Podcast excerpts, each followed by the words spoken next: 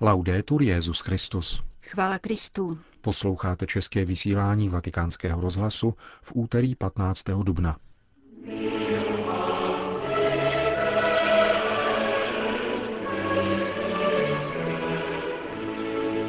Svatý otec dnes navštívil kanceláře státního sekretariátu.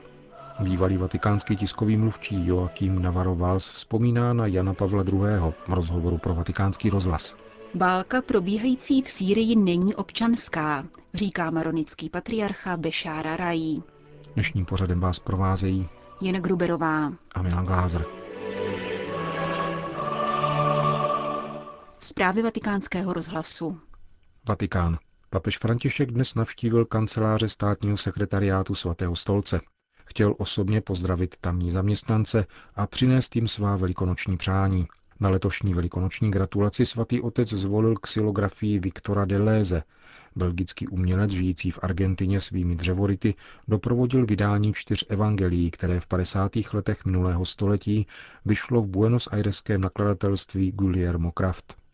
Právě tuto edici si mladý kněz Jorge Maria Bergoglio velice oblíbil. Zmíněné argentinské vydání je zajímavé také rukopisným španělským prologem, o který nakladatel požádal Pia 12. Dnešní člověk chce do základů své filozofie vložit bolest, která jej bez ustání tíží. Moderní společnost sebou zmítá v úzkostných křečích svých tříd, národy svírají ničivé zbraně a hledí si podezíravě do očí. To vše, protože zapomněli, že pravý a jedině možný pokoj je čeká na stále současných stránkách Evangelia. Píše zde roku 1956 papež Eugenio Pacelli. Vatikán.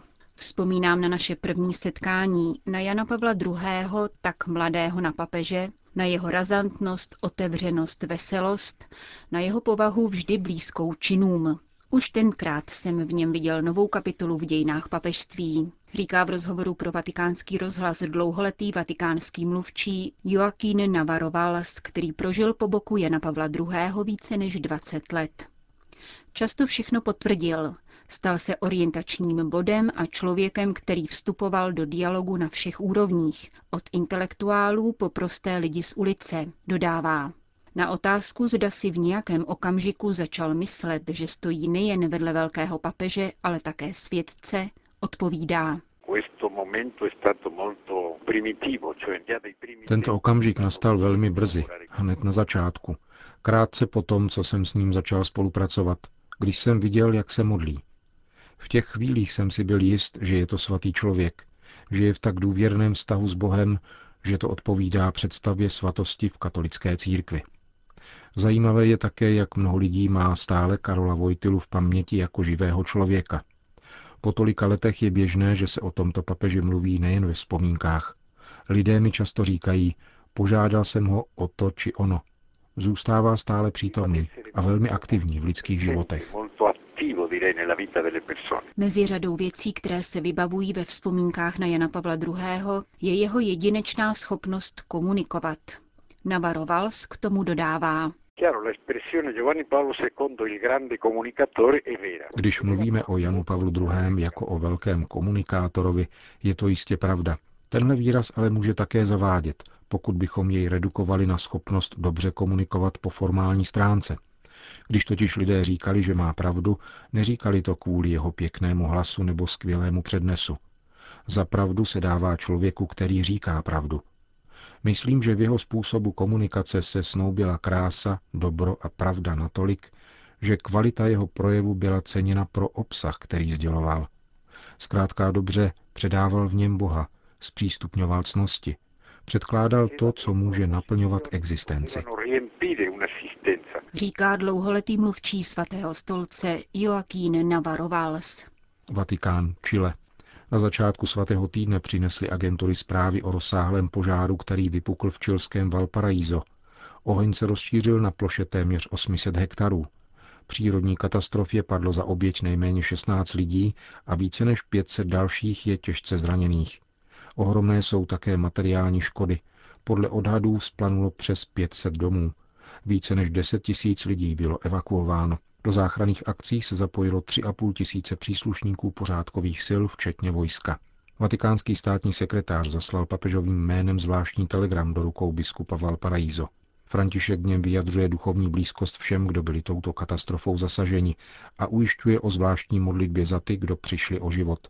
Svatý otec apeluje na všechny politické představitele a celý národ, aby neklesali na duchu tváří v tvář těmto protivenstvím a v duchu solidarity a bratrské lásky poskytli všem potřebným nezbytnou pomoc, píše kardinál Pietro Parolin. Při nedělních liturgických slavnostech zaznívaly v celém Chile výzvy k solidaritě a pomoci lidem zasaženým požárem. O Velkém týdnu, poznamenaném bolestí mnoha Čilanů, mluvil v Santiagu kardinál Ricardo Ezzati Andrello. Připomněl také nedávné zemětřesení. Před několika týdny naši bratři ze severu země zažili následky zemětřesení. Včera s námi hluboce otřásl pohled na zkázu způsobenou ohněm, který se dotkl mnoha našich rodin a způsobil smrtelné oběti ve Valparaiso. Tyto dvě události nás vybízejí, abychom vešli do Velkého týdne intenzivněji a prožívali velikonoční tajemství ve svém životě v duchu solidarity, řekl arcibiskup Santiago de Chile. Vatikán. Papež František připravil zvláštní velikonoční dárek pro vězně z římské věznice Regina Célí. Zítra, tedy ve středu 16. dubna, papežský almužník Konrád Krajevsky předá v tomto nápravném zařízení 1200 svazků kapesního vydání Evangelia. Jde o stejnou edici evangelií a skutků apoštolských, kterou nechal papež rozdávat věřícím po modlitbě Anděl Páně o první dubnové neděli a odpoledne téhož dne při své odpolední návštěvě ve farnosti svatého Řehoře Velikého v římské čtvrti Maliána. Istanbul. Dnes snad více než před 50 lety je smíření naléhavě potřeba. Proto je setkání s naším bratrem papežem Františkem v Jeruzalémě významnou událostí, s níž se pojí velká očekávání. Exkluzivním rozhovoru pro agenturu SIR takto ekumenický patriarcha Bartoloměj I. vysvětluje důvody, které představitele obou církví vedly k rozhodnutí setkat se 25. a 26. května v Jeruzalémě. Podle patriarchy Bartolomě existuje dnes mnoho problémů, v nichž mají církve promlouvat jediným hlasem, Vypočítal mezi nimi otázky utrpení a sociální nespravedlnosti, zneužívání náboženství k politickým cílům, pronásledování křesťanů nebo také ekologickou krizi. To všechno podle duchovního vůdce pravoslaví vyžaduje kroky vzájemného zbližování a smíření křesťanských denominací. Pravoslavný patriarcha je přesvědčen o významné roli, kterou v tomto ohledu může sehrát papež František. Je to církevní představitel vynikající nepochybně upřímností a altruismem, kterému leží na srdci problém rozdělení církve a utrpení našeho světa, řekl Bartoloměj I. Konstantinopolský patriarcha bilancoval také vztahy mezi katolíky a pravoslavnými za poslední půl století. Naznačil, že nebyly z nejsnadnějších, nicméně postupem času začal duch bratrství a úcty převažovat nad starými polemikami a s nimi spojenými soudy a podezřívavostí. Zbývá ještě ledocos udělat a cesta se zdá být dlouhá, řekl k ekumenickým vztahům Bartoloměj I. Navzdory obtížím je však nutné pokračovat. Neexistují alternativy. Jordánsko. Mezi syrskými uprchlíky, kteří našli útočiště v Jordánsku, den ode dne stoupá počet křesťanů. Místní charita měla v úmyslu zorganizovat v uprchlických táborech velikonoční liturgie. Syrští křesťané však požádali, aby směli prožívat svatý týden a velikonoční tridum v místních komunitách. Řekli nám, že chtějí alespoň v tuto chvíli zapomenout na svůj těžký osud a modlit se společně s jordánskými křesťany. Tato by jen chvilková normálnost jim vlévá do srdce naději na lepší budoucnost, zdůrazňuje ředitel jordánské charity Veil Sulejman. Zároveň podotýká, že ve srovnání s počátkem konfliktu v Sýrii je v současnosti mezi uprchlíky křesťanů stále více. Mnozí z nich otevřeně říkají, že se do Sýrie už nevrátí. Znamená to, že ve městech, jako je Homs nebo Alepo, mnoho historicky křesťanských čtvrtí spustne. Upozorňuje ředitel jordánské charity a dodává, že se tak zásadně změní náboženská geografie Sýrie. Do Jordánska odešlo více než 20 tisíc syrských křesťanů. Podle údajů vlády v Amánu je všech uprchlíků v této zemi zhruba 1 milion 300 tisíc. Nigérie. Církev v Nigérii rezolutně odsoudila sérii útoků, které v neděli otřásly touto africkou zemí. Při výbuchu náloží na autobusovém nádraží v hlavním městě Abuja zahynulo nejméně 70 lidí a dalších 120 bylo zraněno. Při dalších útocích na severu země zemřelo 100 lidí. Oběťmi jsou obyčejní lidé, kteří cestovali do práce.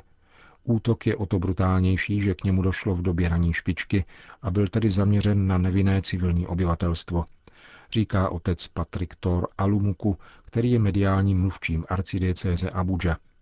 Ačkoliv není jisté, kdo za útoky stojí, předpokládá se, že jde o fundamentalisty z islamistické skupiny Boko Haram.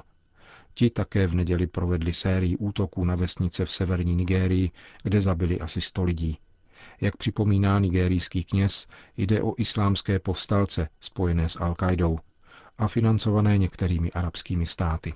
Pákistán. Odvolací proces v kauze křesťanské matky pěti dětí odsouzené k trestu smrti kvůli zinscenovanému nařčení zrouhání proti Mohamedovi byl už po třetí odložen. Jak uvádí agentura Asia News, skupiny extrémistů vyhrožují soudcům nejvyššího soudu v Lahore a požadují potvrzení nejvyššího trestu. Obhájci Ázie Biby nicméně nestrácejí naději a naléhají na nejvyšší soud, aby co nejdříve zrušil rozsudek první instance a tuto ženu, vězněnou od listopadu 2010, propustil na svobodu.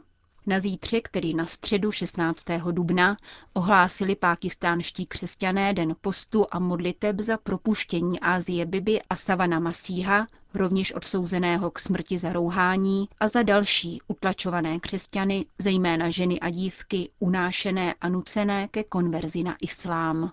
Libanon. V Sýrii neprobíhá občanská válka, říká rozhodně libanonský patriarcha kardinál Bešára Rai. Některé země a mocnosti, které si nedovolím jmenovat, pokračuje nejvyšší představitel maronických křesťanů, podporují zbraněmi, penězi a politicky skupiny vzbouřenců a islamistických partizánů přicházejících z celého světa. Jde o radikály ze severní Afriky, Azerbajdžánu, Afghánistánu, Libie, Čečenska, Jemenu, ale i z Evropy, kteří přicházejí do Sýrie, aby tam terorizovali zabíjením a devastacemi. Sýrie se stala scénou ozbrojeného konfliktu, které vedou různé mocnosti kvůli svým vlastním ekonomickým a finančním zájmům. Velvyslanec jednoho ze států podporujících tzv. opozici v rozhovoru se mnou připustil, říká maronický patriarcha, že bohužel některé západní země, včetně té jeho, podporují a financují fundamentalistické skupiny v Sýrii, Jde o zahraniční vměšování, které podněcuje válku za každou cenu pod záminkou zavedení demokracie. Jsou-li nutné reformy v Sýrii, jakož i v jiných arabských zemích, pak je nelze dělat zvnějšku nebo terorem. My nejsme hlupáci. Tato slova kardinála Bešara Raje z interview pro internetový portál Ouvre Orient způsobila velký ohlas. Vatikánský rozhlas se proto maronického patriarchy zeptal, jaké byly reakce na toto silné prohlášení. Ti, kdo nechtějí mír a nechtějí politické řešení, odmítají tento pohled. Zakusil jsem to osobně hned na začátku války v Sýrii.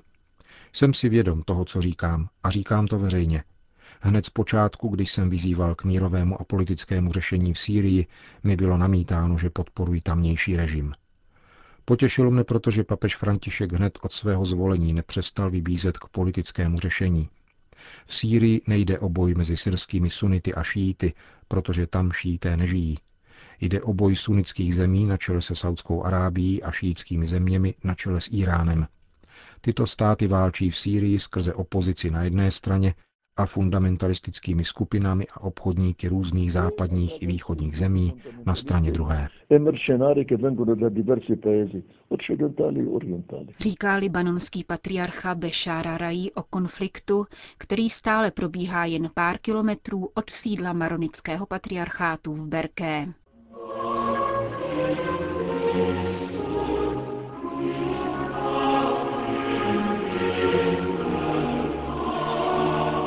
Končíme české vysílání vatikánského rozhlasu. Chvála Kristu. Laudetur Jezus Christus.